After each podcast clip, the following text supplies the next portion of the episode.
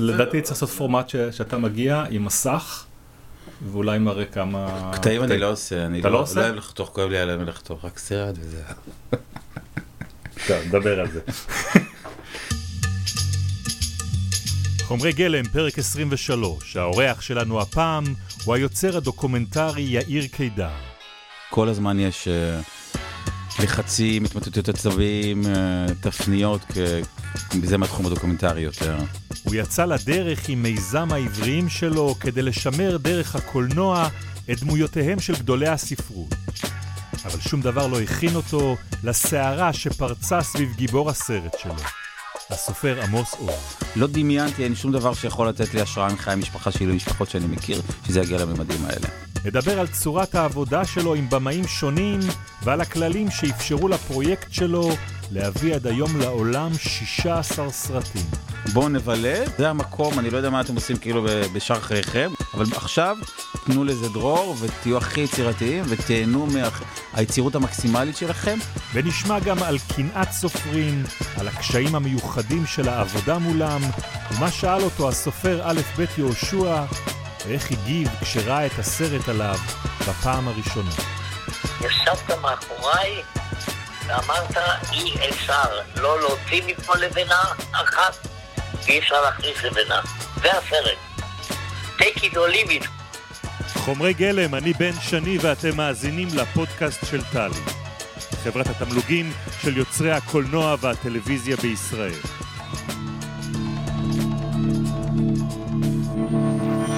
חומרי גלם. הפודקאסט של טלי. יאיר קידר, בוקר טוב. בוקר טוב, בוקר זה טוב. כיף uh, לארח אותך כאן, חדר העריכה שלי. כיף אמ, להיות. ואתה חוגג שני סרטים. שני סרטים חדשים, כן. אנחנו מדברים על uh, החלון הרביעי על עמוס עוז ועל uh, הפרק האחרון של א' ב' יהושע. נכון. אתן לי הקדמה קצרה למי שלא מכיר את המיזם שנקרא יאיר אה, קידר, את היזם שנקרא יאיר קידר, את המיזם שנקרא עבריים. Um, 16 סרטים עד עכשיו, אנתולוגיה, כל סרט עומד בפני עצמו וכל סרט מספר סיפור של uh, כותב סופר בדרך כלל, או, משורר, רובם אנשים שכבר לא נמצאים איתנו. כולם למעט אחד. למעט א' ב' יהושע כן. האחרון, כן. אבל אה, למי שלא מכיר את המיזם, השמות ש- ש- שנזכיר, אה, ביאליק, אבות ישורון, זלדה, אה, רבי שלום שבזי, לאה גולדברג, מיאמיל אנשטקליס, אה, וברנר וז'בוטינסקי. שלום שבזי, דוד בוזגלו, אה, רחל. באמת אה, מפעל יוצא דופן, והאמת שגם כן למפעל הזה מתחבר, אה, אה, אני עכשיו נחשפתי גם לאתר, שאפשר, מי שעוד לא ראה את הסרטים יכול לראות שם, כל הסרטים נמצאים באתר הזה? כל הסרטים, כן. הכל פתוח, אפשר כן, לצפות, וגם בהם וגם ב... בעצם יש רעיונות, מה שמאוד מתסכל, לשיחות של שעה, שעתיים עם אנשים נפלאים, ורק דקה או שתיים או שלוש או ארבע נכנסים לסרטים. אז לקחתי את הרעיונות, ערכתי אותם לסרטונים יותר קצרים, ויש בערך 200 רעיונות כאלה באתר. ולקראת השיחה איתך, אני חושב שבאמת, אני מנסה לראות איז- איזה תופעה מקבילה לדבר הזה שאתה יצרת בעשור האחרון קיימת פה ב... יוצר, מצד אחד יוצר שעושה את הסרטים האלה, עומד מאחורי הסרטים האלה. אמ, כיוצר שלהם, לפעמים גם הבמאי שלהם, תמיד המפיק של הסדרה הזו, אמ, ובאמת עצרת עד עכשיו 16 סרטים, וזה זה נמשך. כן, יש עוד שלושה עד השנה הבאה, כן. וזה מפעל מרשים ש, שישאיר אחריו אה, אה, את, ה, את הסרטים האלה ואת ההיכרות הזאת עם, עם, עם היוצרים האלה לדורות אה, באים. מאיפה זה בכלל נולד? אני לא למדתי קולנוע, למדתי ספרות עברית. אה, בגיל 20 רשמתי לי, אתה היית רושם אה, שאלון כזה, העדפות. העד- העדפה הראשונה ספרות עברית, העדפה שנייה קולנוע. אז קיבלתי את העדפה הראשונה. ואז אמרתי, אוקיי, אני לא, לא- אין קולנוע, אני עכשיו אקדיש את השנים הבאות אה, ללמוד את התרבות. כשאני אעשה סרט, אני אעשה אותו כבר ממקום שאני יודע משהו על, ה, על התרבות. רגע, אבל הייעוד היה ללמוד, לעשות קולנוע? היה חלום קולנוע והיה עניין בספרות. נהניתי מאוד ללמוד את הספרות, תואר ראשון בספרות, אחר כך המשכתי לדוקטורט וזה לא קרה. וכל הזמן חלמתי על, אה, על קולנוע. ומלימודי הספרות אה, היה משהו שראיתי שם שחשבתי שאין לו ביטוי קולנועי. שזה סיפורי החיים של היוצרים והיצירות שלהם והקשר ביניהם. כי זה ממש זווית כזו שראיתי אותה. וחשבתי שאפשר לעשות עליה סרטים נהדרים. שככה אפשר לעשות סרטים שהם הם ביוגרפיות של יוצרים. אבל זה כמו מיוזיקל, צריך לחשוב על זה, אוקיי? נגיד אה, סיפור חיה של יונה וולך עם שירי יונה וולך. אוקיי. תחשוב, קצת מחשבה כזו כן. עוד יותר יצירתי, אז זה לא ביוגרפיה וזה לא מיוזיקל, זה משהו באמצע. אבל זו תבנית שאני די מכיר אותה על ביוגרפיות. זאת אומרת, אתה רוצה להגיד שכשהתחלת את, ה... את הדרך זה, זה לא היה כל כך אה, ברור מאליו? זה לא היה ברור מאליו בתחום הספרות. בתחום הספרות בעצם באנו מדור אקדמי בעצם, שאמר, הקשר בין הביוגרפיה ליצירה רע מאוד, אין קשר. אסור להסתכל על הביוגרפיה כמקור ליצירה. אז זה טאבו אחד. ככה לומדים בחקר הספרות? בשנות ה-60 עד התקופה שאני למדתי, נאמר שנות ה-90, ואחר כך זה כבר נעלם מה, מהעולם. אז היה מין איסור כזה, אז איסור זה גרם לי לרצות להסתכל על זה, זה דבר אחד מצד אחד. אה, ומצד שני חשבתי על האפשרויות היצירתיות, אתה אומר יצירות נגיד, וה, והביוגרפיה, אבל מה יקרה אם אני אזמין כל מיני יוצרים למסע הזה, לאיזה מעבדה כזו שתיקח כמה חודשים, שנה, שנתיים, בוא ביחד אנחנו ניצור דברים. כלומר, אתה היזם, הזה. ואתה מכנס אליך יוצרים, כלומר, במאים, כן. ואומר להם, אה, אני רוצה שתעשו סרטים, אבל זה הנושא. בהתחלה זה לא במאים. בהתחלה זה מעצבים ואנימטורים ומוזיקאים, זה משהו אחר לגמרי בעצם. כי מה אמרת? כי חשבתי שיש אה, אה, יש משהו מאוד יבש באמצעי הביטוי הישנים וצריך להתחדש, ויוצא ולסים בשיר. עכשיו, אין לי כסף לסטודיו אנימציה כמו ולסים בשיר, אה, ולכן אני צריך למצוא דרכים של low-tech, animation, כן? זאתי ההשראה? אתה זוכר? כן? אחת, זה ו-I'm Not There, הסרט על בוב דילן, שזה גם היה ביוגרפיה מאוד מעניינת, זה שש זוויות, דרך היצירות שלו ותוך אספקטים בביוגרפיה, מאוד מאוד יצירתי. טוד היינס עשה את הסרט הזה, אוקיי. שעכשיו עושה את הסרט על הוולווט אנדרגראונד. אז ראיתי את שתי ההשראות, אמרתי, אוקיי, מה אני עושה? איך אני לוקח כל מיני יוצרים ביחד, ואנחנו יוצאים עם דגש על אנימציה ולואו-טק. זאת אומרת, פתרונות והמצאות. וידעת שאנשים שתרצה לעסוק בהם זה אנשים שכותבים טקסטים. כן, כן, זה התחיל בתור רעיון לעשות חמישה, 15 דמויות, ככה זה התחיל. כבר בהתחלה אמרת לך, לא, הלכתי למפיקה אחת, אמרתי, אני רוצה לעשות סרט על יונה וולך, היא אמרה, זה לא משתלם, אתה אחד לא מספיק. תגמור בחובות, הדרך היחידה זה סדרה. אמרתי לו, אוקיי, נעשה סדרה, ולא באתי מקולנוע ולא כלום, אני מקבל דחיות, דחיות, דחיות, ואז הבנתי שצריך להיות סרט אחד. בינתיים, במקביל, נפתח ערוץ שקוראים לו יס דוקו, ובתוך דיאלוג עם העורך הראשון שלו, הוא אומר לי, אני לא רוצה שתעשה סרטים על ספרות, ולא, ואמרתי, בוא נעשה סרט על עמק יזרעאל, אני בא מהעמק, לא על עמק יזרעאל, תעשה סרט אוטוביוגרפיה על הזמן הוורוד. זה הסרט הראשון, וזה היה בית ספר שלי בעצם. ב-2009, סרט ראשון, אני, נותנים לי חברת הפקה, נותנים לי יועץ בימוי, נותנים לי צוות מאוד טוב של אה, אנשים, וכאן אני מתלמד ומשתפשף יוצא הסרט הזה.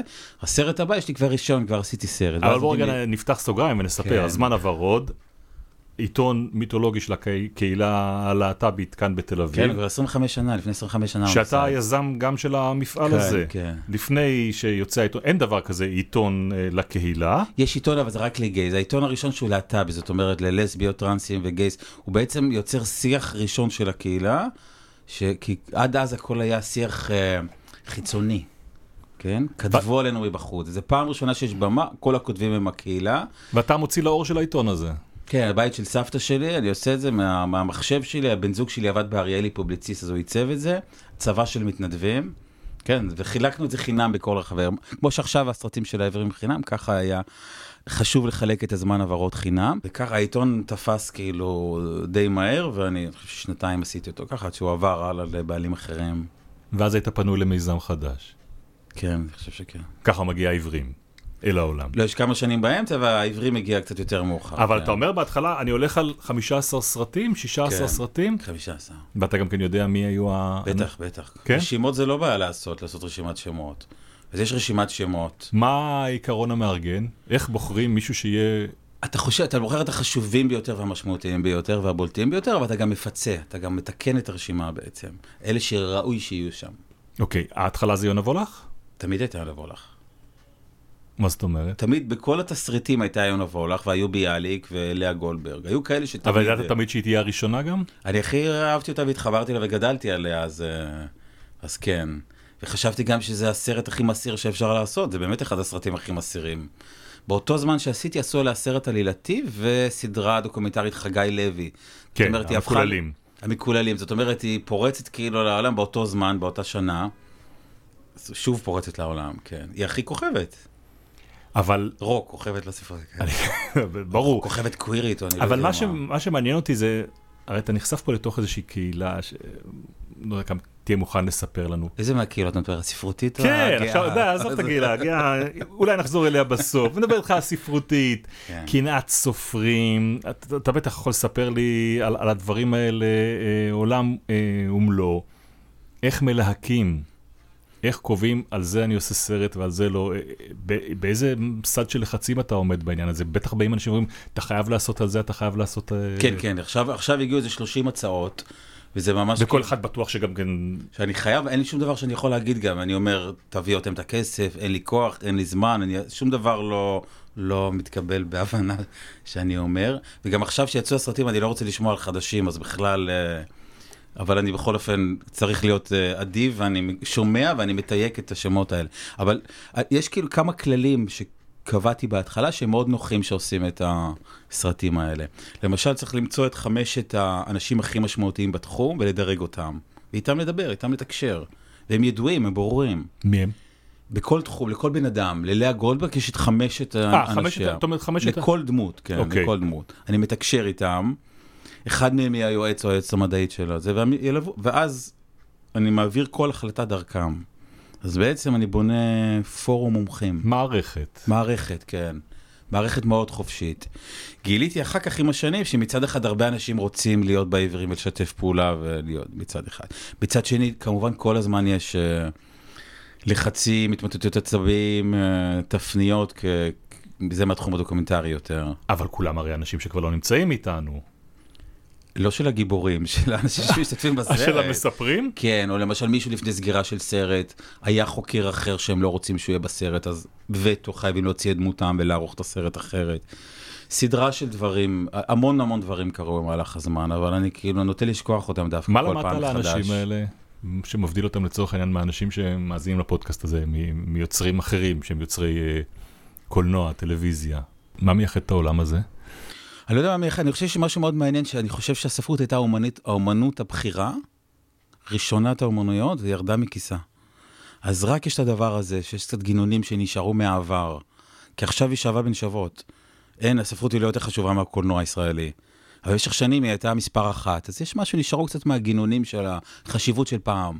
ויש גם בתוכם איזושהי היררכיה שברור מי הם האנשים שנמצאים ב- בראש? ההיררכיה, כן, אני חושב שהיא ברורה, כן. יש, פורמ... יש פירמידה, יש פירמידה רצינית, אבל יש סרטי עברים קלאסיים שזה ספרות קלאסית, ויש ספרי עברית שמתחדשים, ואז זה אוטוריטה אחרת. למשל, סרט על שבזי. שבזי לא לומדים אותו בחוג לספרות עברית, ואז אנשים שמופיעים שם זה כבר קליקה אחרת, חבורה אחרת מאוד מאוד מעניינת. דוד בוזגלו, פייטן מרוקאי, זאת אומרת, זו שירה דתית עברית. לא לומדים אותה בחוג לספרות עברית, אז גם שם החבורה תהיה אחרת. וכשאתה מחליט לעשות סרט על, על, על בוזגלו, או על שבזי לצד אה, ברנר ולצד ביאליק, זה כי אתה רוצה לעשות איזושהי אפליה מתקנת? חשוב לעשות אפליה מתקנת, זאת אומרת, הקנון זה מקום, הרשימה הזו זה ממילא, צריך, צריך כל הזמן אה, למעוך וללוש אה, מחדש ולעשות צדק, לפחות זה, וגם אני חושב שכל האנשים האלה מצוינים ומרתקים. גם תראה, אסור שהעברים יהיו כאילו הפרויקט של uh, התרבות ההולכת ונעלמת של תנועת העבודה. כי אז זה מאוד uh, חלקי ו- ומגמתי וקהילתי. צריך שקהילות נוספות יהיו חלק מהזה. זאת אומרת, יש לי פנטזיה לעשות סרט על אמיל חביבי. זאת אומרת, פלסטינאי שכותב בעברית. חזי לסקלי, אין uh, סרטים על גייז בעברים. Uh, יוצר אתיופי.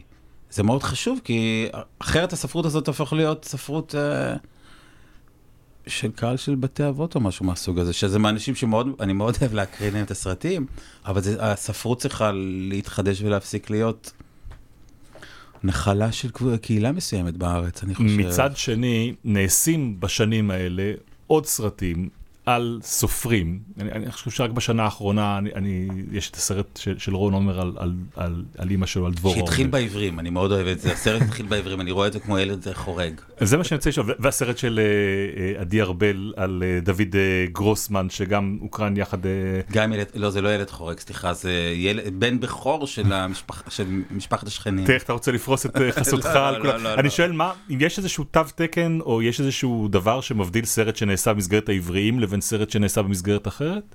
אני לא יכול להגיד אה, דבר כזה. גם העברים כל הזמן מתחדשים, היו כללים של אנימציה, עיצוב וכן הלאה, וזה השתנה. אין אנימציה בעמוס עוז, וא' ב' יהושע הוא סופר חי. אז אני לא יכול להגיד דבר כזה.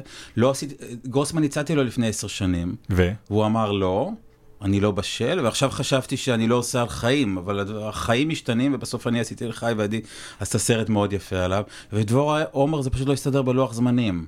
זה היה בתקופה שעשיתי הפסקה של אה, שנה, אבל גם יש סרטים על תרצה אתר, עדליה רביקוביץ'. נכון. כולם נפלאים, ושיהיו כמה שיותר. יש משהו בעברים שפשוט, אה, יש איזה סוג של תמיכה הדדית שהפרויקט הזה מאפשר. ואתה גם כן מגוון מבחינת האנשים שאתה עובד איתם. בטח, בטח. היו עשרה במאים בערך, מאוד מאוד שונים, וגם הבמאים שאני עובד איתם עכשיו הם מאוד שונים וחדשים, אז כן, יש ספקטרום מאוד רחב של, אה, של אנשים, וכל אחד בונה צוות אחר משלו. אה, כן, זה, זה מאוד מעניין לעשות את זה. אז אני רוצה לעשות עכשיו משהו שאנחנו נעשה כמה פעמים במהלך השיחה בינינו, וזה לשלב פנימה עוד קולות של אנשים, ואם אנחנו מדברים על הצוות שעובד איתך, יש אחד שבכל זאת עובר בין כל הסרטים, ואתה מסתכל עליי ככה, אתה לא יודע? אה, אוקיי, אני יודע, אני יודע, אני- אוקיי, אני מנחש. מי? אוקיי.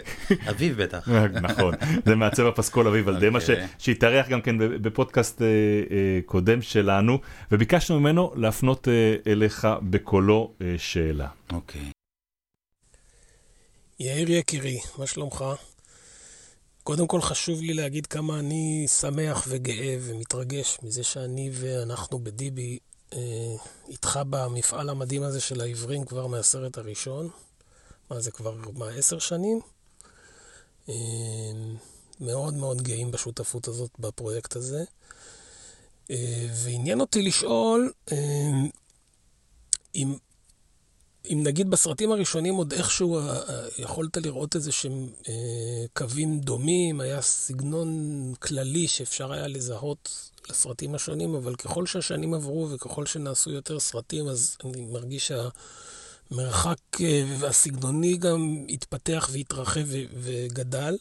אני מרגיש את זה מאוד גם בסאונד, שכל פעם מחדש צריך למצוא את השפה המתאימה לסרט הספציפי שעליו עובדים. אה, ועניין אותי אם זה משהו ש... שהוא, שהוא החלטה עקרונית שכל סרט הוא עולם בפני עצמו, לפי אולי היוצר שעליו. שאותו אתה מתעד באותו סרט, ומנסה להתאים לו את השפה, או שהייתה מתישהו מחשבה כן לפרמט את זה יותר, ושזה יהיה יותר מין פורמט כזה של כל הסרטים נראים דומה וכל פעם מתעדים אדם אחר, אה, כמו שבהרבה מאוד סדרות אחרות עושים. אמ, אני חושב שזה מאוד ייחודי הדבר הזה, שבאמת כל סרט הוא חיה מסוג אחר לגמרי, ועניין אותי איך אתה רואה או חושב על זה. אה, אולי גם באספקט של הסאונד, כי זה עולמי יצר. זהו, אה, מקווה שיש לך איזושהי תשובה או חגיגים בנושא. דש לבן ונשיקות. ביי. אני רוצה להגיד שמתחילת הדרך, אה, כיוון שלא באתי מקולנוע, אז הקפתי את עצמי באנשי המקצוע הכי טובים שאפשר, ואחד מהם הוא אביב. ופשוט כל, כל סרט מחדש, אנחנו בונים את הקודקס, את הכללים, וזו עבודה ממש מעוררת השראה, זה אחד הדברים הכי כיף, כיפים לעשות בסרט. מה הכוונה בבונים את הכללים? כאילו צריך לחשוב, למשל, יש ארכיונים למשל, נגיד יש uh, פילם וסטילס, איזה עולם סאונד בונים להם? מה מעלימים, מה מכניסים, איזה סאונדים כלליים של ארכיונים, איזה סאונד ספציפיים, איך זה משרת את הסרט, איך זה קשור לעולם הפסיכולוגי של היוצר. אז בונים עולם לכל אחד מה... שזה לא עולם ריאליסטי. הכל מאוד מלאכותי בסך הכל. הסרטים הם מאוד מלאכותיים, נכון? אני לא מלווה, חוץ מבולי, אני לא מלווה אנשים. אז uh, במקרה של אילונה וולך זה כאילו איך את כל ה... Uh, את, את הטירופים שלה ואת המחשבות הטורדניות ואת ה... איך אנחנו...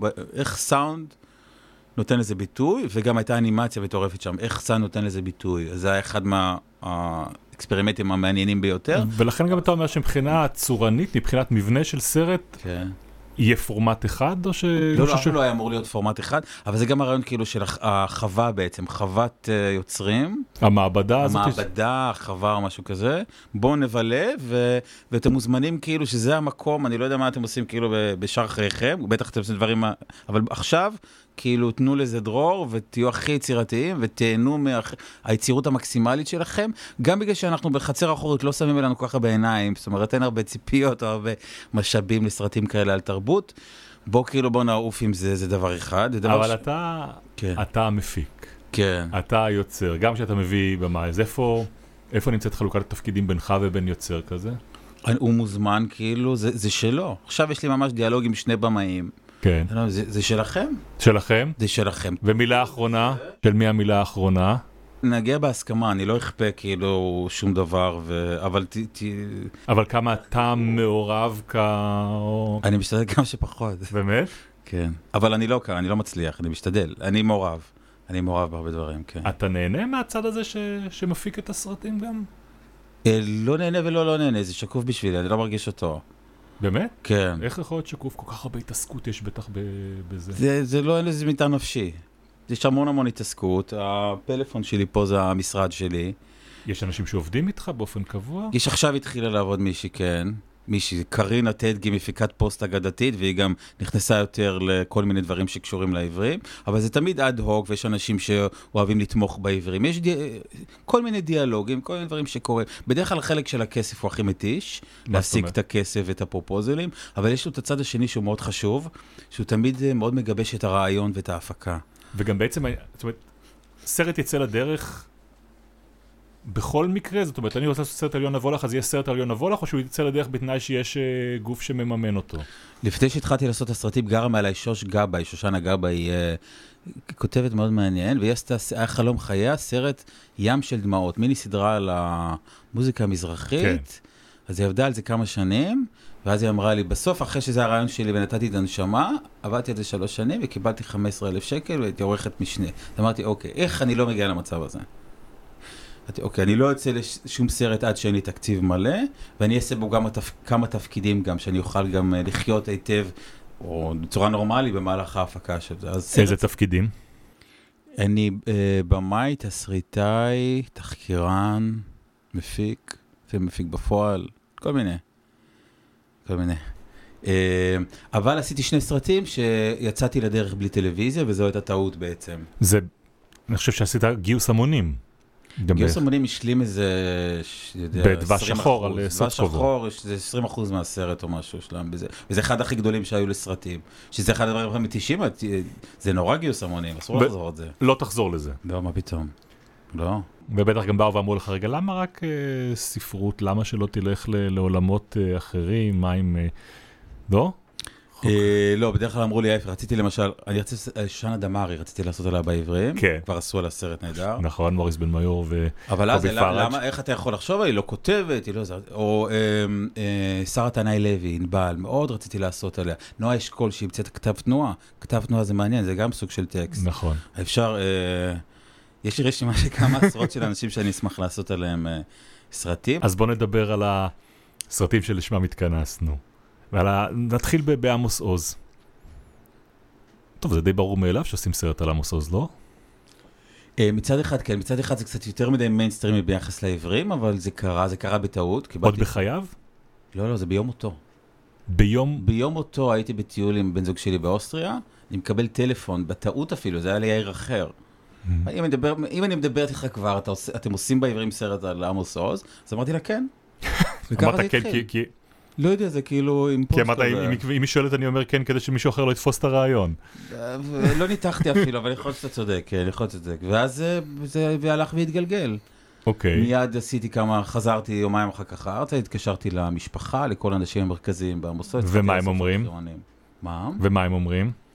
הם, הם, כולם, כולם אה, מטולטלים אה, מהאבל, אבל אה, כולם שמחים שהוא יהיה בעברים, ואני מבין שזו אפשרות לעשות על מישהו בעברים שהוא הכי, כמו שיונה וולו הכי, כוכבת מסוג אחד, הוא כוכב מסוג אחר. מה זה כוכב? הכוכב. הוא גדולה, הוא, הוא המ- המצליח ביותר, המשפיע ביותר והמשגשג ביותר, הוא מר תרבות, מר, מר ספרות עברית. היה לך איזשהו קשר איתו עוד בחייו? כן, כן, הכרתי אותו, כן. טיפה הכרתי אותו. אחותי השנייה, יש לי הרבה אחיות ואחים, היא הייתה בשלט יחיד בקיבוץ חולדה. והיא הכירה את החברה מאוד טובה של גליה עוז. או, ואני כן. בגיל 12 אני מגיע לשם, ואני פוגש את גליה עוז עם אחותי, הן יושבות, וגם לפי דעתי גליה מציעה לי את הג'וינט הראשון בחיים שלי, בן 12, אני חושב שזה מאוד לא הולם הדבר הזה.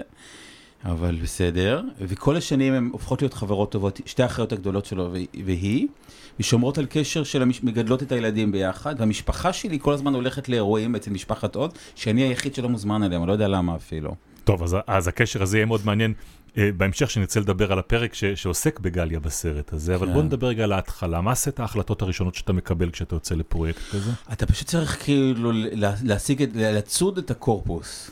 אוקיי? יש לו ארכיון גדול בהקשרים באוניברסיטת בן גוריון, כן. זה צריך להיות נגיש, ואז אתה פונה לכל כתבות תבל, לכל הארכיונים לאסוף חומרים, ואתה מתחיל למפות מחוקריו החשובים, פרשניו החשובים, מבקריו החשובים, ובני המשפחה עם מי אפשר לדבר, ומעגל החברים.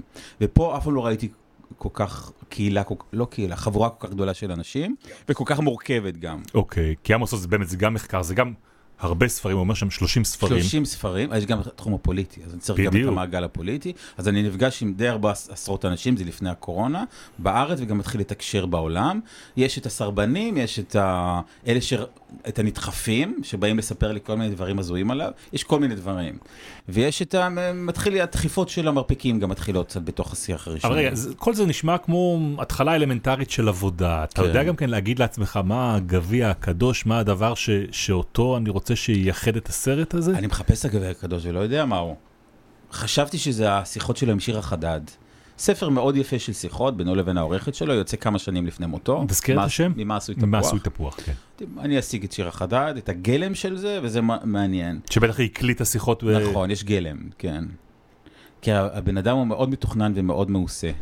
ומאוד עובד במפעל שלו, של מפעל עמוס עוז. אז קשה למצוא את הסדקים, או את השפיצים, או את המקומות שבהם הוא לא בשליטה. אני חייב אני להגיד לא לך ש- רוצה לעשות סרט בשליטה. אני חייב להגיד לך שאפילו אני, שלא בקיא בארכיון של עוז, יש משפטים שראיתי אותו אומר אצלך בסרט, שאני אני זוכר אותו אומר אותם, או. את אותם משפטים במקום אה, אחר. אחד הדברים המדהימים ביותר, שזה רק אנחנו זכינו, שזה העורכת נילי פלר ואני, זה בעצם לראות את כל הארכיונים, כמעט, כן? ואז רואים בהתחלה איך הוא מגמגם, איך הוא מחליט מה המשפט הנכון, איך הוא מתאמן עליו, איך הוא משייף אותו, ואיך זה הופך להיות השטאנץ. אז היה לנו את ההזדמנות לראות את הבנייה של אה, איך הוא בנה את עצמו. בהתחלה אין אנגלית כמעט, יש לו כתבה ב-76 או משהו, שמגיעה מצלמה אליו לקיבוץ, והוא לא יודע ממה להסתכל. על הכתב, על העדשה, על יד העדשה. אז זה הפעם האחרונה שנראה את מבטו מתרוצץ, אחר כך הוא ילמד כבר במה לנעוץ את מבטו.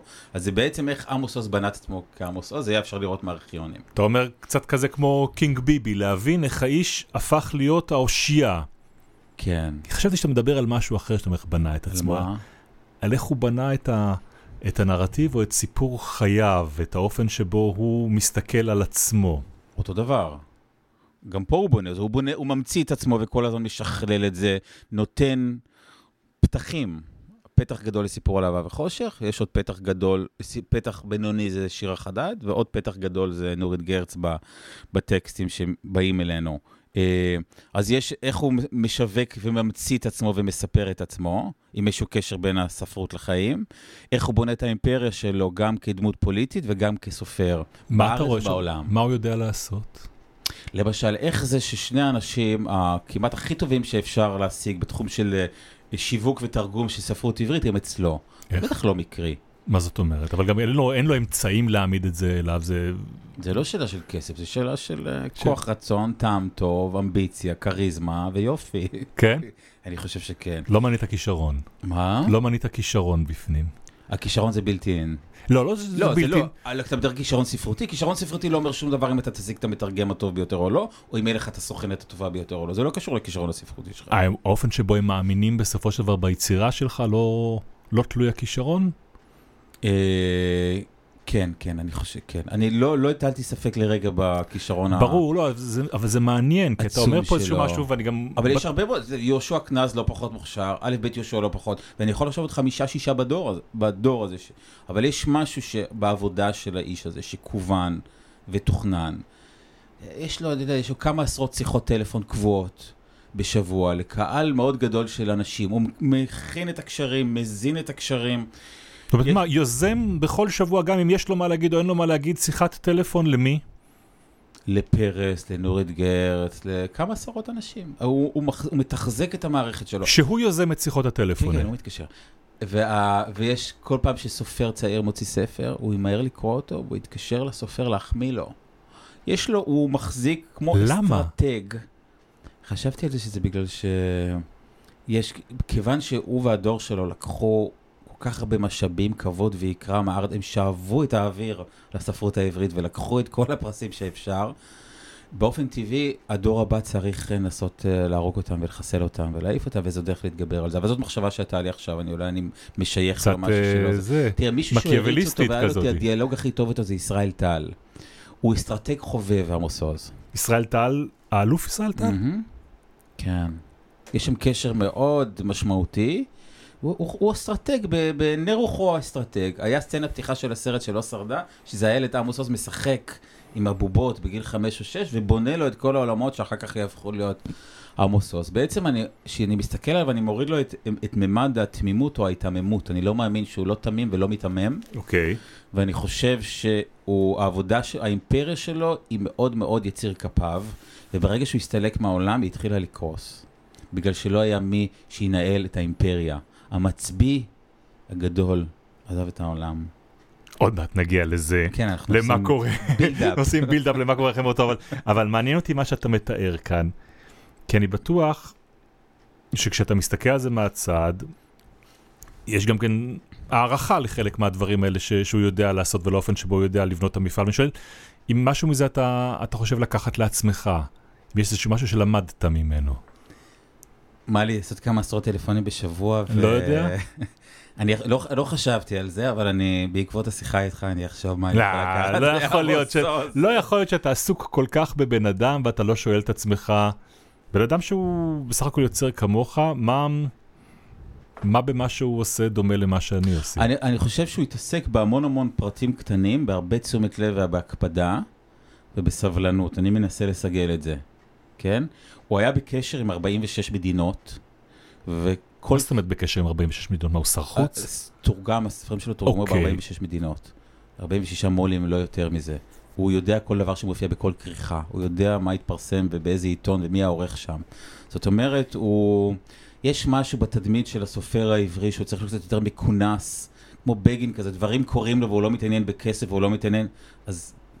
ואז אתה רואה שהוא מודע, יוזם וקשור לכל פרט, ואני אה, מנסה לאמץ את הדבר הזה של להיות ער לכל פרט, להסתכל על זה בצורה משמעותית ולדעת שדברים לא יקרו לי אם אני לא אזום אותם. ואתה מבין מה עושה את עמוס עוז הסופר שמתורגם ל-46 שפות? אני לא יודע לכמה שפות תרגמו את כנז, אבל יש לי הרגשה ש... פחות. פחות. אין, אף אחד לא הגיע לכמות כזה. אתה אבל מבין זה מה שהסוכנת הקודמת שלו אמרה, זה מספר. שמה? מה, מה, מה עושה את זה בסופו של דבר? שילוב של זה גם הכישרון העצום, אבל גם יש, יש לו מזל אלוהי. הוא מופיע ב... אחרי 67, והוא הקול שמתנגד למדיניות ישראל. הוא יפה, זה עדיין על גלי האהדה האחרונים שנשארו לציונות ברחבי עולם התרבות. יש לו כל מיני דברים שמשחקים בשבילו, וכל דבר תומך בכל דבר. זאת אומרת, עמוס עוז הפוליטי תומך בספרותי. יש עוד אלמנטים, למשל יש אלמנט ש... אה, אה, אלמנט של צליינות. זה אחד החוקרים שדיברתי איתו על הסרט, זה לא נכנס לסרט בסוף. הוא מאפשר לאנשים לה- לעשות צליינות דרך הספרים שלו. אוקיי. זה ל- רלוונטי לבקר למיליונים בארץ רבים. ישראל. אבל כן. בצורה הרוחנית, המצועפת הזו, המטורפת קצת, כמו של מיכאל שלי, או הנהדרת של סיפור על החושך, או של הבשורה על פי יהודה. אבל אתה אומר, אה, העובדה שהאיש יתנגד למלחמת אה, לבנון אה, עם פריצתה, תסייע אחר כך לקופסה שחורה בפרסומה. אין, אין ספק, אני לא רואה סיבה להכחיש את זה, ומי שמדבר על זה בגילוי לב זה בולי. א', ב', יהושע מהרגע שזה גם אחת הסיבות שכל כך מצא חן בעיניי. אחת. למה הדור, שלפ... הדור שלפנינו לא היה פחות מוכשר? דור המדינה עם משה שמיר ואהרון מגד. הם לא זכו להצלחה בעולם בכלל בכלל. אני חושב על הדור שאחריהם, ואתה מראיין שם כמה, אתה מראיין שם כמה קולות אה, בולטים, גם את דורית רביניאן, גם את אתגר קרת, שמתייחס בדיוק לנקודה הזאת, לפוליטיקה בתוך... בדרכו שלו. כן. אני פחות רואה את זה אצלם, למרות שאולי דורית רביניאן עם, עם הספר שלה שעוסק ביחסים של יהודיה ו... אתה רואה כן. אצלם בדיוק בדיוק מה שהם חושבים שצריך לעשות בדור שאחרי עמוס עוז ובולי. הם לא יעשו אותו שימוש. הם כבר יתחדשו. הם קצת יבקרו, הם קצת יפרגנו, והם ימצאו לסלול את הדרך שלהם מתוך היכרות שלהם. הכרה בזה שהמניות ירדו. אבל אף אחד מהם אני לא אראה בוועד המנהל של אה, בצלם, אם אני לא טועה, ואף אחד מהם אני לא אראה בדיוק, כי זה ההתחדשות סוגר את. הרשימה של זאת מרץ. קריאת המציאות שלהם, זה מה שסופר בתורם צריך לעשות, ואני ניסיתי להסתכל על הסרט עוד פעם, למרות שראיתי אותו באמת כמה מאות פעמים, ואני לא אמור לראות אותו עוד, אבל ניסיתי לראות ואמרתי לראות איך יש כאילו, הסרט הזה אפשר להסתכל עליו כמו עלייה לרגל של כל גדולי התרבות והספרות העברית. מילות סיכום ופרידה, זיכרונות, וכל אחד גם מכניס את הסאבטקסט שלו. אפשר להסתכל על הסרט מחדש עם Mm. הסאבטקסט. כן. אתגר קרת, דורית רביניאן, בולי, לכולם אתה מרגיש היטב היטב מה הם חשבו והרגישו כלפי עמוס עוז, מה שהיה אז ומה שהם חושבים שצריך להיות עכשיו. אבל זה הזמנה לצופים, כן? אבל אותי מעניין אותך כיוצר, עד כמה אתה חושב ש... שאתה צריך ללוות גם באמירה פוליטית את חייך, את העשייה שלך כדי... אה, לא, זה היה ממש מזעזע בשבילי להצטרך להתעסק בפוליטיקה אצלם, אף פעם לא עשיתי את זה בסרטים. זה לא התחום שלי, וזה היה לי מאוד קשה לעשות את זה בסרט. מזל שנילי פיילר העורכת הצילה אותי וידעה, וזה אחד משלושת הדברים של הסרט. זאת אומרת, יש את השיחות שלו עם נורית, יש את הביוגרפיה שלו, הספרותית והאישית, והדבר השלישי זה המארג הפוליטי, וזה מאוד קשה להתעסק עם זה. למרות שאני בא בצעירותי, אני בא מ... מתנועות פוליטיות, אבל אני פשוט, היה לי איזה יום אחד קאט, ואני לא מסוגל יותר. ואני מנסה לעשות סרטים בלי. או עם פוליטיקה עדינה. יש לו משפט שהוא בטח גם שכלל אותו עם השנים, אבל אתה מביא אותו בארכיון שעמוס עוז מדבר שם על החשיבות של פצע בחייו של הסופר כדי להיות סופר טוב. שסופר טוב צריך איזשהו פצע בחייו. בלי פצע אין סופר, כן. שאלתי את עצמי אם אתה מסכים לזה. בטח שלא. לא. בטח שלא, לא. צריך שלאדם, אתה יודע, יהיה פגיע... פגיעות ופגיעות וחיי נפש עשירים וזיכרונות עצומים מדברים משמעותיים שקרו להם, וכנראה שזה עוזר להיות סופר. אבל אני אומר, 16 סרטים, 16 סופרים ש... ויוצרים שליווית, לא ראית את הכלל הזה? אם, אם הוא ישים או לא ישים? כולם, כולם uh, ב... עם טראומות ילדות מאוד רציניות שקשורות להורים שלהם. כמעט כולם. כן, כן. עשיתי קצת פסיכולוגיזציה קלה כזה ביני לביני. Mm-hmm. אה, ואני חושב שהדברים האלה קצת, נגיד בסרט של לאה גולדברג אפשר לראות את ההשקה של באיזה טראומות ילדות ואיך הדבר הזה כאילו בא לידי ביטוי אחר כך. זלדה קצת, אבל אה, זה הסבר מאוד חלקי. כן, אבל זה, פצע לא יכול להיות טראומת ילדות, זה יכול להיות גם פרט ביוגרפי קשה, גם מחלה ש... שמתמודדים איתה במהלך זאת אומרת החיים. שלכולם יש. לא, אני שואל אם לאנשים, אני אגיד לך את זה הפוך. לדוקומנטריסט כן. חשוב להבליט את הפצע הזה כשהוא בא לעשות את הבי... כשהוא בא לספר את הביוגרפיה אוקיי, של אותו זה סופר. כן, זה משהו אחר, אולי זה לא משהו אחר, אבל נגיד זה דבר נוסף שאני יכול לחשוב עליו. שצריך לקחת את הסיפור של היוצר ולהכניס אותו לאיזה תבנית דרמטית קולנועית, שיש בתוכה אירוע חזק ו... וקונפליקט, כן, זה נכון. כן, אני עושה את זה. וזה היה מעניין, מעניין למשל בביאליק לעשות את זה. ביאליק לא ידע כמעט כלום על 18 השנים הראשונות לחייו, ומצאתי ספר שמישהו, אה, חצי ביוגרפיה שלו, שאבנר הולצמן כתב, והוא מתחיל את הזה, אומר, איך אני אספר את הסיפור שלו? והוא נותן ארבע תבניות. פשוט בחרתי באחת מהן. צריך, צריך להלביש תבנית. אצל עמוס עוז יש בעיה עם התבנית הזו, גם בגלל שהוא נתן אותה כבר בסיפור על אהבה וחושך. הוא סיפר את הביוגרפיה שלו הכי טוב. מהמם. אז מה עושה סרט? הסרט שבא, סרט יספר פחות טוב את הביוגרפיה של עמוס עוז משעמוס עוז יכול לספר, נכון? אז בוא נדבר על מה שעושה הסרט, כי הסרט הזה, ואז היה צריך למצוא פתרונות איך לספר את הסיפור, למרות שעמוס עוז נתן את הסיפור שלו. כן, אבל אני מדבר על, על מה שקורה אחרי שאתה משלים את הסרט, שמסתפרים, מתפרסם עניין הפצע שפצע עמוס עוז לפי עדותה כן. את ביתו, את גליה עוז. כן. איך אתה שומע על ה... לא, ידעתי שזה כל הזמן היה אמור להיות, כלומר, שגלי מאוד כועסת עליו ולא דיברה איתו כמה שנים.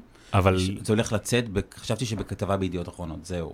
אוקיי, וחשבת שזה משהו שאתה אמור לתת לו ביטוי בסרט? לא, ידעתי שזה נפיץ, שלא כדאי שאני אכניס את זה לסרט, ושזה גם קשור, לא ידעתי כמה זה קשור אליה או אליו, אבל זה הסרט עליו, היה מין הסכמה בשתיקה עם כל הגורמים שזה לא יהיה בסרט. כל הגורמים, כלומר, משפחתו של עוז, שאומרת, אה, אם אנחנו באים משתפים פעולה, אנחנו לא רוצים ש...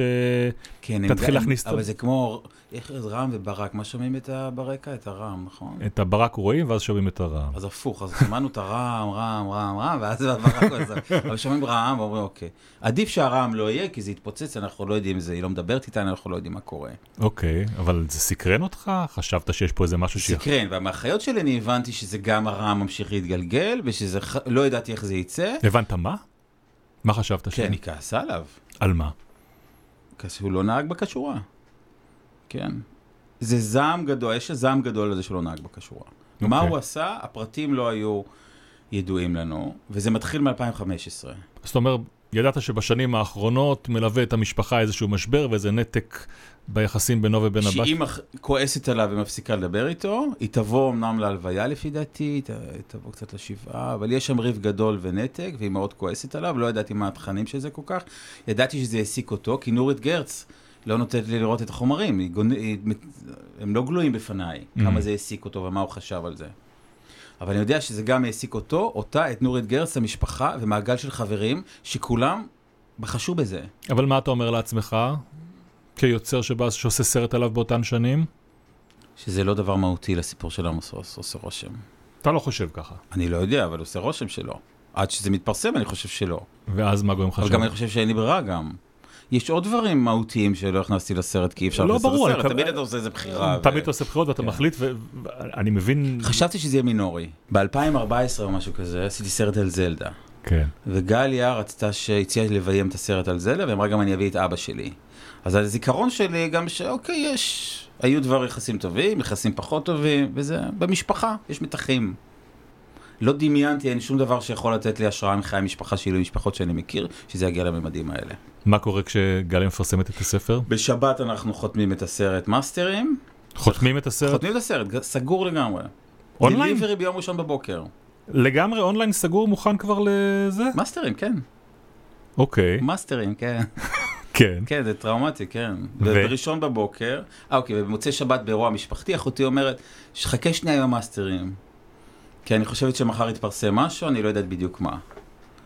ואז אני בש... קם בשש בבוקר, כל הזמן עושה refresh על האתר של הארץ, ואז אני רואה את ה... שמתפרסם הדבר הזה, וזה בקנה מידה ובאופן ובשפה ובזה שלא לא יכולתי בכלל לדמיין את זה. אני יכול להקריא כמה ציטוטים פה ממה שמתפרסם בארץ באותו בוקר?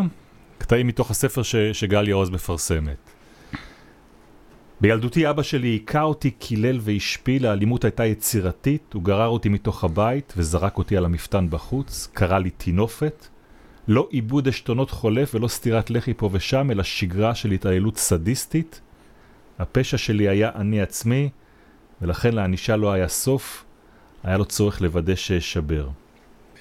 אה, תיאורים אה, קשים ולא ברורים שאתה קורא אותה בבוקר ו...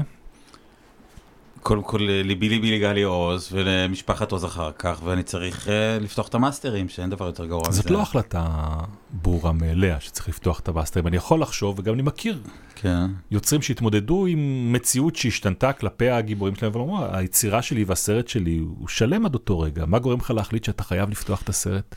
כי אני חושב שעמוס עוז השתנה בעולם אחרי שהיא הוציאה את הספר. עמוס עוז לא יהיה אותו דבר. והסרט אמור לצאת כמה חודשים לאחר מכן, אז מה, הוא יצא סרט מכחיש, מתנגד, מתעלם?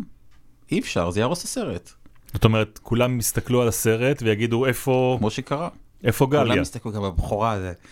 מסתכלים כזה, אורבים לראות מתי זה יצוץ, איך הוא יציג את זה, מה הוא יגיד, במי הוא יצדד, מי הוא ישפוט, כן. מזעזע, אני לא ציפיתי לדבר כזה שהתחלתי לעשות סרטים, פתאום נזרקתי פתאום הסרט, לעולם חדש. מסתכלים עליו בפריזמה אחת ויחידה. מאוד מקבילה. איפה אתה ב...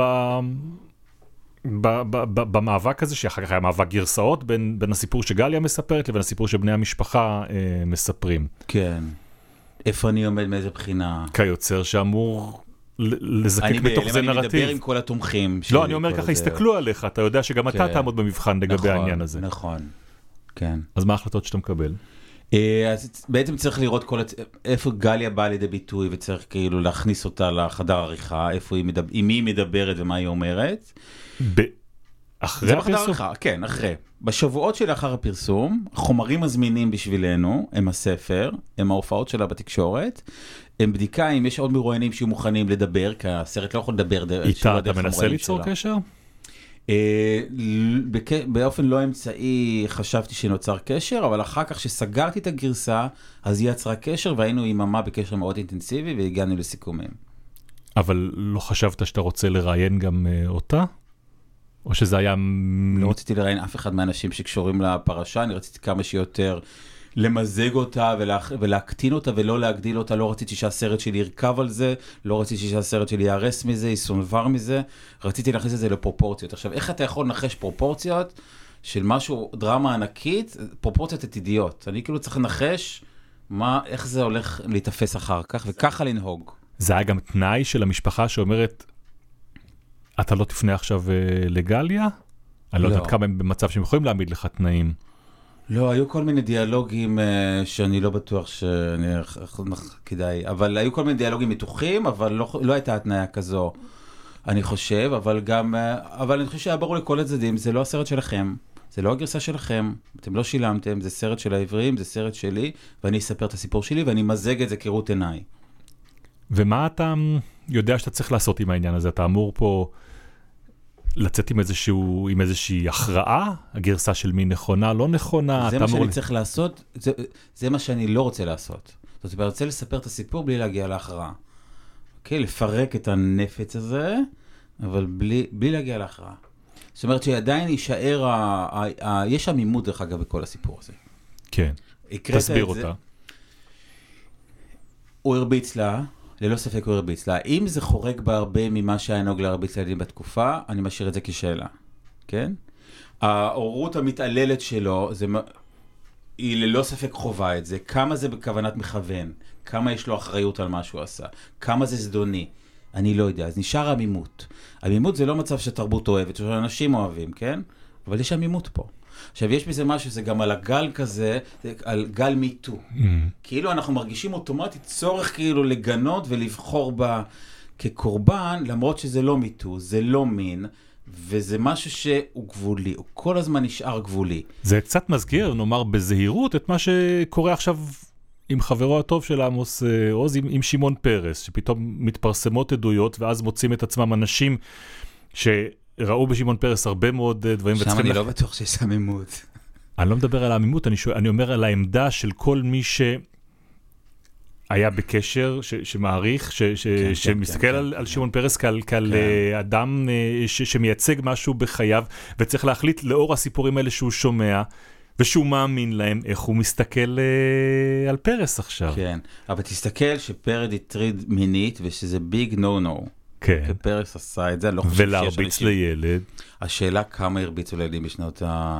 אני לא יודע, זה באמת, זה, זה לא תחום ברור, וזה כגון, אה, כגון מיטו. כן, אני אבל- לא מכיר ילדים שלא הרביצו להם בדור, בשכבה הזאת. אבל השאלה הגדולה היא, האם הביג נונו הזה, ואתה יודע בטח מ- מהביוגרפיות וגם ביוגרפיות אחרות, יש, יש אה, יוצרים ואומנים שעשו דברים רעים ופגעו וקרבנו הרבה אנשים סביבם, ועדיין היצירה שלהם היא יצירה גדולה וראויה ל... אה, לביוגרפיה ו- ולהתייחסות. אתה חושב שעמוס עוז נמצא באיזושהי סכנה? שמשהו מ- מהיצירה שלו נמחק בעקבות עדות של גליה? ביקשה לא, לא, להמשיך לקרוא ולא למחוק את היצירות שלו, אבל אני חושב שממילא מעמדו הוא נשאל מחדש. המ- המלך הגדול מת, הלך לעולמו, יחי המלך החדש, וצריך לשפוט מה המורשת של המלך הישן. עושים את זה לגבי פרס, עושים, זה בלתי נמנע. אז יש את זה פלוס הפרשה עם העמימות המוסרית של גליה עוז. פלוס כל מיני חוגים שמלכתחילה לא אוהבים אותו משמאל עד ימין, אז uh, הוא נמצא ב, בשעת מבחן עמוס עוז, ואני חושב שהסרט שלי זה דווקא אחד מההתייחסויות מלאות החמלה והמורכבות כלפיו, שלא מבקשות uh, למחוק אותו, אבל אני חושב שהוא בסכנה מסוימת של מיצוב מחדש בארץ ו- ו- ובחו"ל. אני בטוח שאתה גם כן שומע ביקורת בדיוק על זה, שבאה ואומרת, הניסיון לייצר איזשהו נרטיב מנרמל את, ה... את הפגיעה הקשה ש... שגליה מספרת עליה. לא שמעתי הרבה ביקורת, אבל אולי אני צריך לקרוא יותר את לא, ה- אז, אז אני שואל... את אם- הביקורת. לא, מה שקרה פה אבל זה גם נתנו וסיכמתי עם גליה מה הטקסט שלה שיהיה בפנים, הטענות שלה בתוך הסרט, ומה שנחשף בעקבות הפרק הגנוז של נורית נחשף עכשיו. כיוון, זה היה פרק גנוז של, פרק בתוך הספר שלה, של שיחות של, שלה עם עמוס על גליה. המשפחה וגליה ביקשה שהיא לא תכניס לספר, לא נכנס לספר, אחרי שהסיפור עם גליה התפוצץ, גליה פרסמה בידיעות אחרונות ונתנה לי את הגלם. בוא נספר, נורית גרץ, ש... שגם מתראיינת בסרט, היא חוקרת uh, ספרות, פרסמה בעצמה uh, ספר באותה תקופה uh, על uh, עמוס עוז שמתבסס על אותן uh, שיחות. מה שעבד בזמן, ביוגרפיה של ידידות. זה הספר ש... שנורית גץ פרסמה, בהתחלה נלקח מהחנויות, אחר כך uh, חזר. לא בגלל זה, דרך אגב, סיפור אחר לגמרי. כן, אבל דרמה גדולה גם סביב כן. הפרסום של הספר הזה, ש... נכון. שמתפרסם באותה תקופה, והיא תביא לך אולי את אותו גביע קדוש. כן, היא גם תיתן את, ה... את מה עמוס חש בשנים האלה, בשנות הסכסוך עם גליה, קולו השבור והמרוסק, שהוא לא מבין מה היא רוצה ממנו, והוא מנסה והוא הוא לא מקבל אה, שימוע עם ביתו, מול ביתו הכועסת, אה, והיא גם תבוא ולהתראיין. והיא תיתן, תציע מחשבה שמאפשרת לנו להסתכל מחדש ולקלוט ולהקשיב לעמוס עוז, וזה הרעיון של הטרגדיה הכפולה, ואני לא רוצה לעשות ספוילר לסרט. לא, לא, מה שאני רוצה להגיד, כשאני דיברתי על הגביע הקדוש, דיברתי על החומר שאתה מקבל ממנה כיוצר דוקומנטרי, כן. ואתה מקבל למעשה שיחות טריות מהשנים האחרונות כן. עם עמוס עוז, שבהן הוא מספר ומתייחס, וכשאתה מקשיב לו שם, מנסה להסביר מה, מה העמדה שלך כלפי הדברים שהוא אומר שם. זה, זה הטרגי ביותר. זה הבן אדם שמאבד את הבת שלו ולא מצליח לתקשר איתה והיא כועסת עליו והוא לא מבין למה והוא עשה משהו לא בסדר והוא לא מבין למה והיא לא מוכנה להקשיב לו. אין, יש משהו יותר טרגי מזה? יש עוד כמה דברים טרגיים. אני לא מבין איך אפשר להסתובב בעולם אחר כך, זה מאוד מאוד כואב ומאוד טרגי, וזה זה. עכשיו, העטיפות והרעש והצלצולים של עמוס עוז והבת של עמוס עוז והארץ, זה רק מסביב, הגרעין זה זה. אז אתה חש כלפיו אמפתיה? אתה מאמין לו? אתה מקשיב לו בביקורתיות? איך אתה מאזין לשיחות האלה? אני חש כלפיו אמפתיה, איך אפשר שלא לחוש אמפתיה? צריך להיות בלי לב לא לחוש אמפתיה כלפי מה שהוא חש וחווה. אבל אני, באמת, אני לא רוצה לשפוט, ואני לא רוצה להחליט מה הוא עשה או לא עשה עם גליה, ומה היא עשתה או לא עשתה. אני, כאילו אנחנו. נהיינו כאילו, משהו מבקש ממנו להיות שופטים ולקבל הכרעת דין. לא. אני אתאר את זה, אני אביא את הסיפור, ו- ואני משלח את זה, ואמשיך הלאה לסרטיי הבאים. אני מסרב אה, לקחת את התפקיד הזה, שכאילו המחזה הזה מבקש. אני מדבר איתך עכשיו, אני, ואני יכול להבין באיזה סערה היית באותם ימים ובאיזה מקום, יכול, זה, זה מסוג הדברים שאתה לא מזמן לעצמך. ומצד שני, אנחנו כיוצרים דוקומנטריים, לזה אנחנו מחכים הרבה פעמים. מחכים לדבר ש, שאנחנו נכנסים לסרט, לדבר שיפתיע אותנו תוך כדי העשייה, לדברים ש, שהתרחשו, ולעובדה שהסרט שלנו יהיה רלוונטי באיזשהו, כי, כי הוא קשור לאיזשהו עוגן שמעסיק היום את, ה, את הציבור, כמובן זה מעורר הרבה יותר עניין ב, ביצירה שלנו כשה, כשהסיפור נמצא בשיח.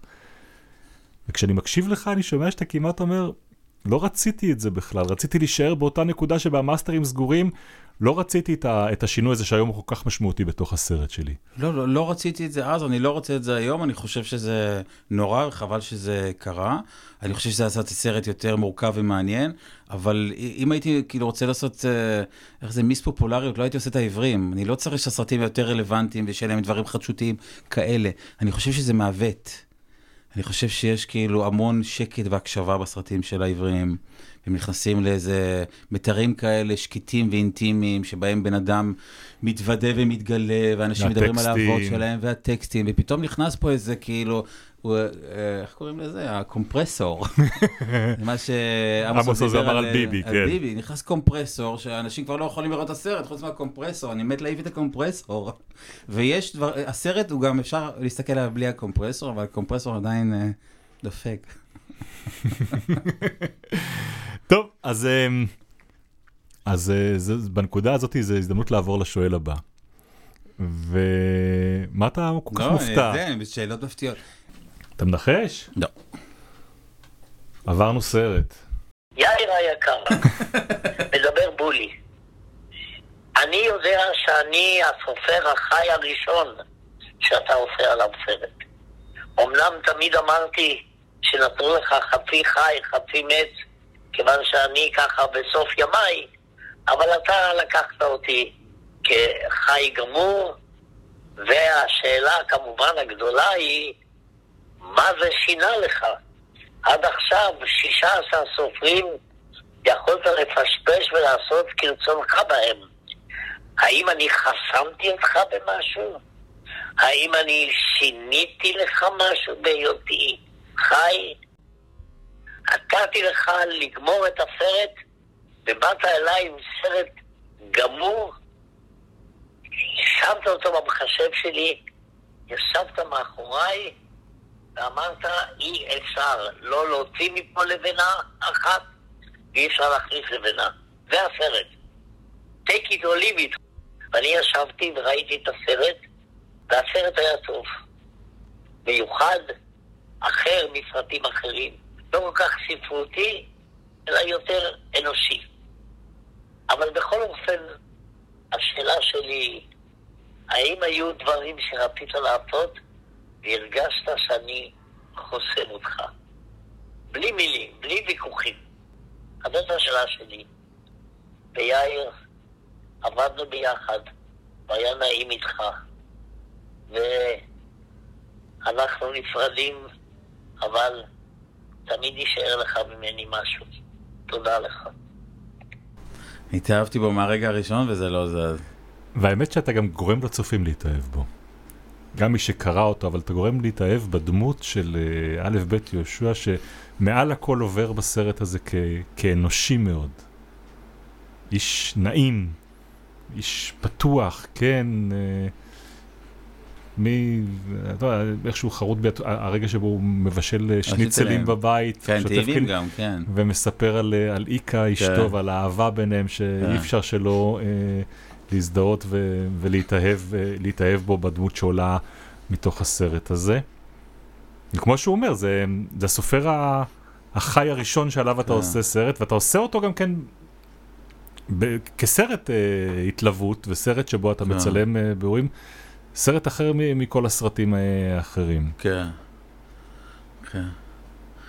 אתה רוצה להתייחס לשאלה שלו, ואחר כך נספר את הסיפור, איך נולד הסרט הזה?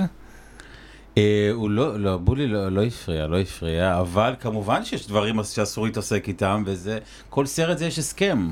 מה זאת אומרת? כל סרט יש הסכם, כאילו, אם זה או עם הבן אדם, או עם, ה... עם משהו אחר, שמה מה מתעסקים ולא לא מתעסקים. הסכם אתה מדבר על משהו כתוב? על לא, חוזה? לא, לא, זה הסכם... אה, חוזה הבנות, ג'נטלמני. הבנות אוקיי, אפילו. אוקיי. אפילו לא מדברים על זה. אוקיי, מה, יש אל, כאילו, זה כמו אלגנטיות מסוימת, כאילו. אל תזכיר. אני לא מדבר עליו, אל תזכיר את הרומנים שלי לצורך העניין, או אל תזכיר את, אה, את הילד מחוץ, את הילד שלא מדברים עליו, לא או יודע אל מה אתה תזכיר, אבל כן, לא. מדבר, כן, מדבר- נגיד משהו בסגנון. כן, או את. המבקר הזה שאני לא מוכן להתייחס, לכולם יש דבר כזה. לכולם יש עניינים. נו, אז. תספר לנו על מה א' ב' יהושע לא רצה לדבר. ואני אבגוד בו ברגע האחרון של זה, אני חושב שפחות. אה, יש כל מיני דברים שהוא פחות רצה שנתעסק איתם. ואתה מכבד. היה לך ויכוח על כן, משהו אתה כזה? יודע, זה לא כאילו שאני עכשיו עושה משהו על כאילו איזה טייקון וצריך להגיד משהו שהחשיפה תהיה משמעותית ותפגע בגורלות של אנשים. אני חושב שה... איך אני מספר את הסיפור הפרטי, אין פה דברים שיש עליהם מניות או חש... חשיבות ציבורית עליהם. אלא אם כן הבן אדם הוא סוג של פושע, אני לא מכסה על פשע, כן? מצד שני, כשאתה רוצה להבין את היצירה של הבן אדם, אתה יודע שיש פרט ביוגרפי שמאוד מאוד מתחבר ומוביל אותה, אז להחליט שאתה מוציא אותו החוצה, אתה יכול להרגיש שהסרט פה יהיה חסר. אני יכול להרגיש בהרבה סרטים את הדבר הזה, אבל גם קשה ל... קשה לשפוט. אני לא מרגיש שיש משהו מאוד חשוב שהשמטתי לגבי איזה דמות. טוב, תראה, אבל יש דברים למשל שאני לא ארשה לעצמי להשמיט. למשל, אם דמות תהיה אה, גיי ואני אה, אדע את זה, אני לא, לא אמנע מלהכניס דבר כזה לסרט. גם אם הוא היה בארון לאורך כל חייו. אז אולי אני לא אעשה את הסרט. הייתה אוקיי. דמות אחת, דרך אגב, שאני לא אנקוב בשמה, כי אולי לא כולם יודעים שהיה גיי, מאוד מאוד סטרייטית, מאוד חשובה בתרבות העברית, יותר הפופולרית. שרציתי לעשות סרט והלכתי לאיזה ועדה של תומכים. ואז אמרתי, כן, אבל מאוד חשוב לי גם לעשות איך חי בן אדם כזה בארון, ואיך... ה-" הם הסתכלו עליי בתדהמה, אז הבנתי שאני צריך קצת פחות... אה, שהם לא יודעים. הם לא יודעים, כן. כן, אסור לעשות אאוטינג. אז יש דברים שהם עקרוניים שאסור לי, אז אני לא אלך להתעסק איתם, אבל אה, הם לא דברים כל כך עקרוניים, אני חושב שלבולי היה חשוב שלא ייכנסו. אה, ובכלל היה, היה מעניין בשביל, פעם ראשונה שאני עושה סרט על דמות חיה. Mm. הליווי זה מעניין. מערכת יחסים, אה, אבל באמת, כי הרגשתי כאילו אני עושה סרט ראשון, ואני מנ- מנסה דברים בפעם הראשונה. זה מעניין, כי באמת אחרי 15 סרטים שיש להם שפה, אתה יודע, לדוקומנטרי יש אולי שני... יש שתי, שתי שיטות עבודה. אחת זה סרט שהוא מבוסס רעיונות, מה שקוראים Talking Heads, או מבוסס רעיונות מסודרים ו- ו- ויישובים, מה שרוב סרטי העבריים אה, עשוי, אה, עשויים על פיו. והשיטה השנייה היא עבודה במה שנקרא סצנות, אנחנו עוקבים ומחפשים וצדים אחרי התרחשויות אה, בעולם. דרך אגב, היה לי פרויקט שלישי, שזה דוקומנטרי, שזה משהו אחר לגמרי. שבכלל שם כותבים את כותבים התסריט את מראש כדי הסצנות, שיראה... אבל הן חצי אמיתיות, ויש עוד ביניים, משהו היברידי, יש עוד כן, כן. כן, אבל לא, לא, יש הרבה זה. אבל יש נכון. שתי- אבל יש שתי תפיסות... אבל זה אה, הסרט הראשון שלי בדוקומנטרי איך הייתה האסלי. החוויה הזו? זה היה מצד אחד אה, נפלא, מאוד אה, מעורר, כיף לעשות משהו אחר לגמרי, וזה גם בימי קורונה, שזה היה עוד יותר מוזר, וגם אני עושה מול עמוסו, שזה דמות הפוכה ממנו לגמרי, אז אני כאילו כל הזמן מתעסק ב- בברבור הלבן והברבור השחור, ואני שט לי ב... בימי קורונה ומוצא הסחות דעת נהדרות מהקורונה. אה, אתה אוהב את זה? יציאה לצילומים כאלה, בלי לדעת אה, מה הולך להיות במפגש אה, היום? זה ש- היה מאוד מאתגר ומהנה, אה, כן, זה היה מאתגר ומהנה, זה כן. תחושה שאתה אומר, "זו פעם ראשונה ואחרונה שאני עושה את זה ככה. בתקופה שאחרי סרטים יוצאים, אני לא רוצה עכשיו לעשות עוד סרטים, ואני לא מסתכל בנוסטלגיה ובשמחה על צילומים, על עריכות, זה נראה לי כל כך uh, מתיש, אני צריך עוד להתאושש מזה, אז אני, כשאתה מדבר על צילומים, אני אומר, כן, זה היה נפלא, אבל עכשיו צריך צילומים, וזה כל כך קשה ואינטנסיבי, מעניין אותי, אבל אני מישהו ש- ל- לא רוצה לשמוע על זה איזה תקופה. אבל מעניין אותי איך, איך, אתה, איך אתה מסתכל על, ה, על סוג העשייה הזה, ה, הפחות אה, מתוכנן, אם אפשר להגיד. הוא כאילו פחות מתוכנן, אבל אני, אני ראיתי את הכוחות המניפולטיביים והמעצבים שלי בתוך הסיטואציה, גם בעיצוב הסיטואציה עצמה, למשל? וגם אחר כך ב, בעריכה. איך סיטואציה מסוימת היא הופכת להיות אה, נרתמת לטובת איזשהו תסריט, אה, תסריט אפשרי. איתו אנחנו חיפשנו הרבה זמן את הסיפור. כי גם נאמר שהוא התראיין הרבה וסיפר את הסיפור שלו הרבה פעמים. אני חושב שהסיפור אבל די ברור כשמדובר באלף בית יהושע, לא? מצד אחד כן, מצד שני הסרט לא סיפ... רגע, הסיפור- שנייה, למה אתה מתכוון? אני אעצור את התשובה. אני מתכוון, לה, אתה קורא לסרט, הפרק האחרון של אלף בית יהושע. כן, אבל זה הופך להיות... אתה פוגש אותו הופך, אה, כשהוא חולה, אתה פוגש אותו בנסיבות מאוד מסוימות. אני מניח שאתה שאלת את עצמך, אולי אפילו הדאגה הכי בסיסית אם הוא יהיה איתך עד אה, סוף אה. הצילומים. כן, אבל חשבתי שכל עוד אני עושה את הסרט, אז הוא יהיה איתי עד סוף הצילומים. שהמצלמה, שהסרט נותן טעם בחיים, כן. שהמצלמה נותנת כוח. כן, ראית גם? עכשיו... מה? ראית את זה עליו? אני חושב שזה נתן לו עוד אחת מהסיבות לחיות, כן. שהסרט יושלם, להגיע לבכורה, להגיע לעוד הקרנה, כן. לקחתי אותו לפגוש תלמידים בחיפה. כן, סצנה אה, נהדרת, התלמידים. חכמים, כן, זה זה תלמידים הס- מיוחדים של דרך הרוח, זו קבוצה באמת... אז זה, הם שואלים אותו שאלות נהדרות, באמת, אה, מפגש מקסים, כן. באותו בוקר הוא מתחיל גל חדש של אה, טיפולים, בקושי, בקושי, בקושי, והוא לא רוצה, ואני אומר לו, תשמע, אתה, אתה תשכח מהכאב, תשכח מהטיפולים, זה יוציא אותך מזה, ייתן לך כוחות חדשים, הוא מסכים, אני נוסע איתו לבד בלי המטפלת, וכבר הנסיעה הוא מתחיל להתחמם, והוא על היי. ואחר כך גם הוא מתמוגג בדרך חזרה, כל הדרך בפקקים לתל אביב, ומספר לי סיפורים שמעולם לא סיפר לי. ראיתי את זה קורה, איך זה מוציא את עצמו, הוא מוציא אותו מה, מהחולי. כן. את מי שלא רואים בסרט, מלבד הסיפורים על ליקה אשתו, זה בני המשפחה. שהם לא אוהבים uh, תקשורת והם מסרבנים, צילמתי קצת את הבן, ובסוף זה לא נכנס לסרט, הם רק בתמונת uh, סילס. אבל זה סרט כאילו שהוא לא עושה את מה שצריך לעשות, הוא לא מספר את הביוגרפיה. זה לא סרט שמתמקד בביוגרפיה, זה סרט על פרק אחרון בחייו של אדם, שמסתכל במוות ומוכן להיפרד מהחיים, שזה גם הופך את הסרט למיוחד בעברים, וגם, uh, אני חושב אולי הסרט על דני קרוון הוא קצת דומה מה, מהבחינה הזו. אה, אבל גם אני חושב שזה כמו איזה דרגה גבוהה רוחנית, הדבר הזה. שבן אדם מוכן להסתכל על הסוף שלו ולדבר עליו, ומוכן לקבל אותו ולחבק אותו, ולהכניס את המצלמה הזו בפרק האחרון ולתת לה, לתעד אותו, ואני חושב שמזל שאשתו לא חיה, כי אם Mhm. אשתו הייתה חיה, זה... היא לא הייתה נותנת. לא הייתה נותנת, לא. סיפרו לי כאילו איך האישה המדהימה הזו הייתה, נכנס צוות, אבל תעמדו פה, פנס פה, חצי שעה, וזה לא היה מסתדר עם ה...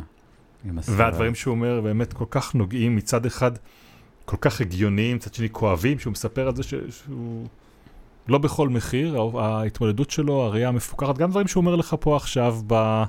אה, בשאלה הזו שהוא מפנה אליך. אה, בהתחלה, בתחילת הקשר בינינו, הוא אמר שהוא אה, הוא יבכה כל הזמן על איקה, וגם שהוא יכול להיות שהוא לא ישרוד או משהו, ושני הדברים לא קרו.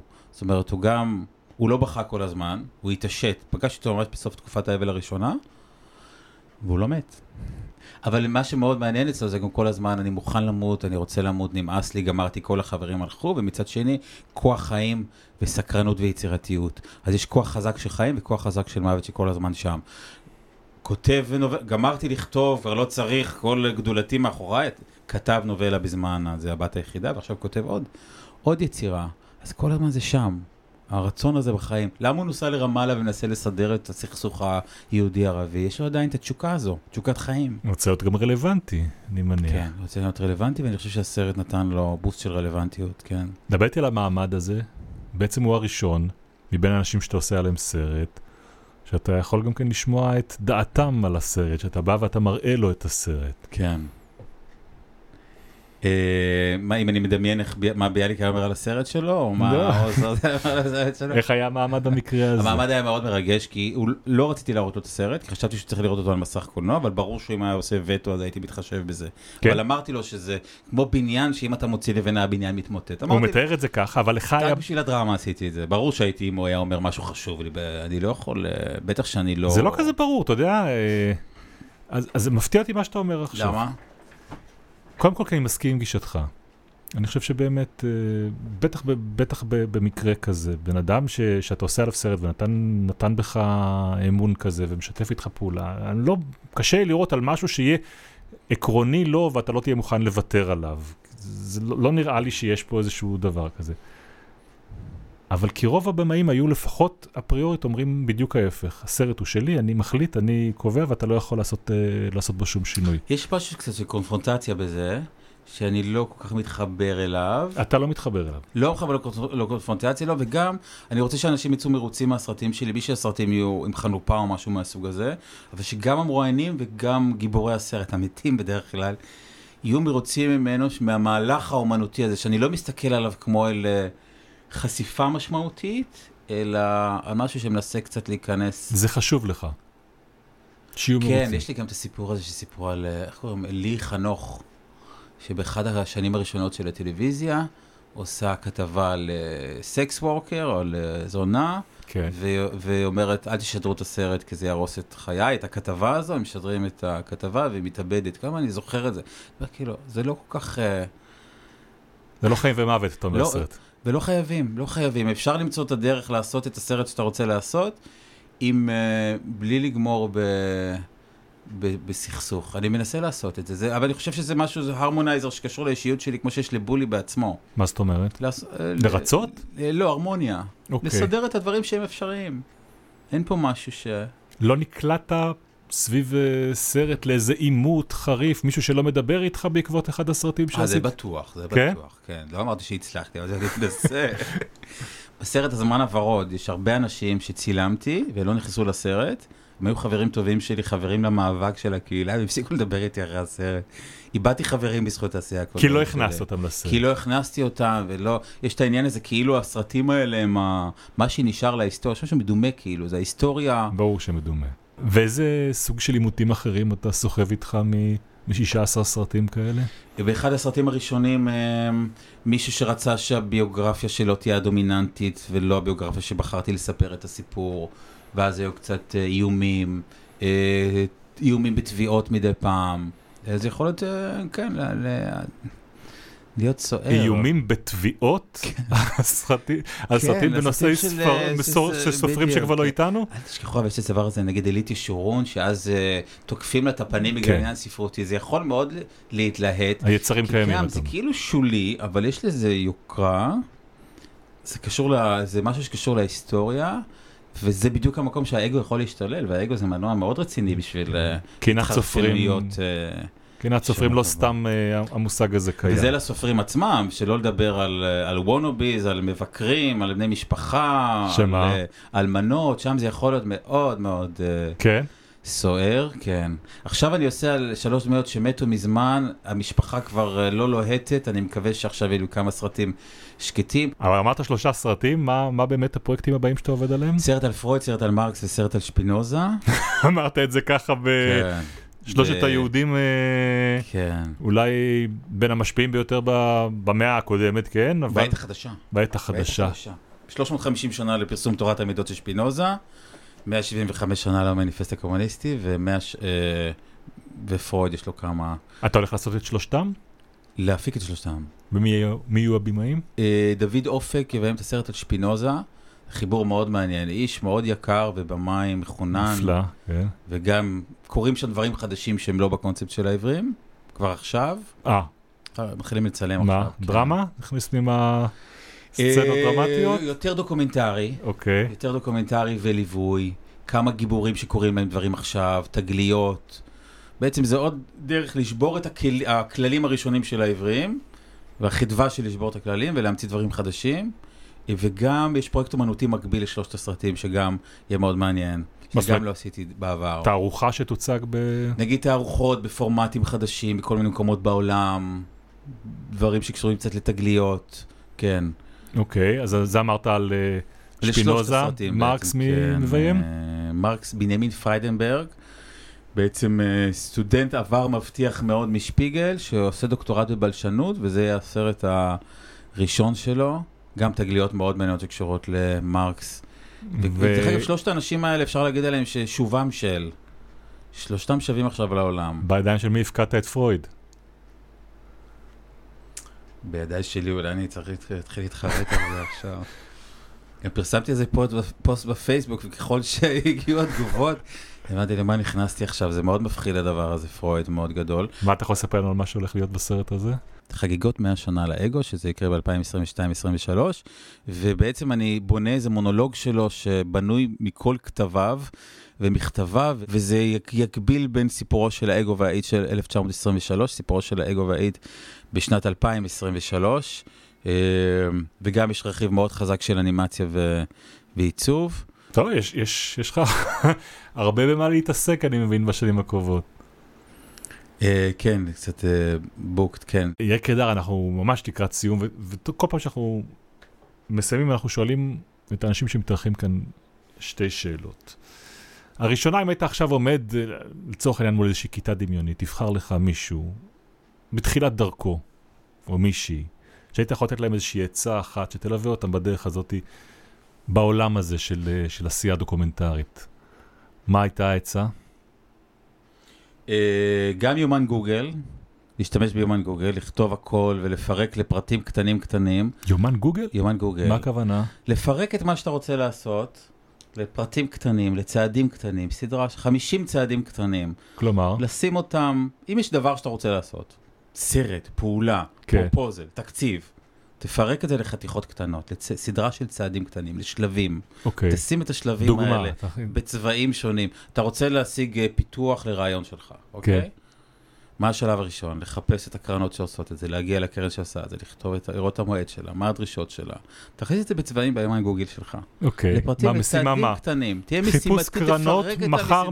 מ-9 עד 10 אני מחפש את הקרנות ומועדי ההגשה שלהם? תשע, תשע ורבע, יש רק שלוש, זה לוקח אה, מעט. כן, כן, ש, ש, יומיים, באותו יום, בש, ב, בצהרי אותו יום, לכתוב את המועדים שלהם, את הדרישות שלהם. מחר בשלוש עד ארבע אני כותב את הדבר הזה, ואתה פשוט תפרק את זה, כי אתה לא מפחד מהדברים הקטנים, הם לא מפחידים והם לא, לא מכניסות בך אימה וחרדה, וככה אתה יכול להתקדם ולעשות את זה. הפירוק ליומן גוגל זה מאוד חשוב, והצבעים והזה פשוט... נו, זה אה, יכול להיות החפץ שלא הבאת לנו ונראה אותו. מעניין אותי לראות איך נראה יומן הגוגל שלך, אם מותר לך, אם- אם אתה מרשה לי להסתכל בזה. אה, בוא נראה, אה, תכלת זה עמוס עוז, אדום, אה, דסקרת בולי, חום זה בולי, צהוב זה הקרנות, אה, בוא נראה, האפור הזה זה השלושה אבות שגם פיצלתי לשלושה צבעים עכשיו, פרויד קיבל אדום כהה, כל אחד, כל אחד מקבל ולפרק את זה. פשוט אה, זה דרך גם לא לדחות דברים. כי אתה ברגע שאתה עשית את זה לשלב קטן, אתה לא יכול אה, להמציא אליבי לעצמך לא לעשות את זה. זה עצה אחת, ועצה שנייה, לא להתרגש מתחייה. זה הכי חשוב. אז שאלה אחרונה. אם היית יכול אל עצמך לחזור לאיזושהי נקודה, כן. כלהגיד לעצמך שם משהו, לאן היית חוזר ומה היית אומר? מה, לשנות את ההיסטוריה? אני לא אמרתי לשנות את ההיסטוריה. אני אמרתי את זה ככה, אוקיי, מה זה כמו חזרה לעתיד. לחזור כדי להגיד לעצמך משהו. אה, לחזור כדי להגיד, אוקיי. אני צריך לחזור לימי ראשית ה... אה, ראשית העברים ולספר לעצמי ש... מה הולך להיות. מה? שלא צריך כאילו להיות כל כך נרעש ולפחד שזה לא, לא יצליח ו... שזה יהיה בסדר. שיהיה בסדר. שיהיה בסדר, כן. ביונה וולך הייתי בהיסטריה מזה שחגי לוי וניר ברגמן עושים סרטים עליה. חשבתי כשהם ייקחו לי את כל, ה... את כל החמצן, הם גדולים. ואז התקשרתי לקרולינה שעשתה שיר אחד, והיא אמרה לי, אתה, אתה בכלל לא שם. מה זאת אומרת? הם עושים את שלהם, אתה עושה את שלך, תיכנס למה שאתה עושה. כל כך יפה מה שאתה עושה, תאהב את מה שאתה עושה, תקשיב למה שאתה עושה, אל תסתכל על הצדדים, תסתכל כאילו. זה אוקיי, שנייה, זהו. ומאז לקחתי את הטיפ שלה. טיפ חשוב. יאיר קידר, תודה רבה רבה לך. המון תודה. זהו, זה הגלם שלנו להיום. את הפודקאסט עורכת דפנה יודוביץ', ערך את הסאונד יונתן שני. תודה רבה למירב קליין מטלי על העזרה בהפקה. את כל השיחות הקודמות שניהלנו כאן עם יוצרות ויוצרים אפשר לשמוע בכל אפליקציות הפודקאסטים. חפשו שם חומרי גלם. בקרוב נשוב לכאן עם עוד פרק, ועד אז ממני בן שני, תודה לכן ולכם על ההאזנה.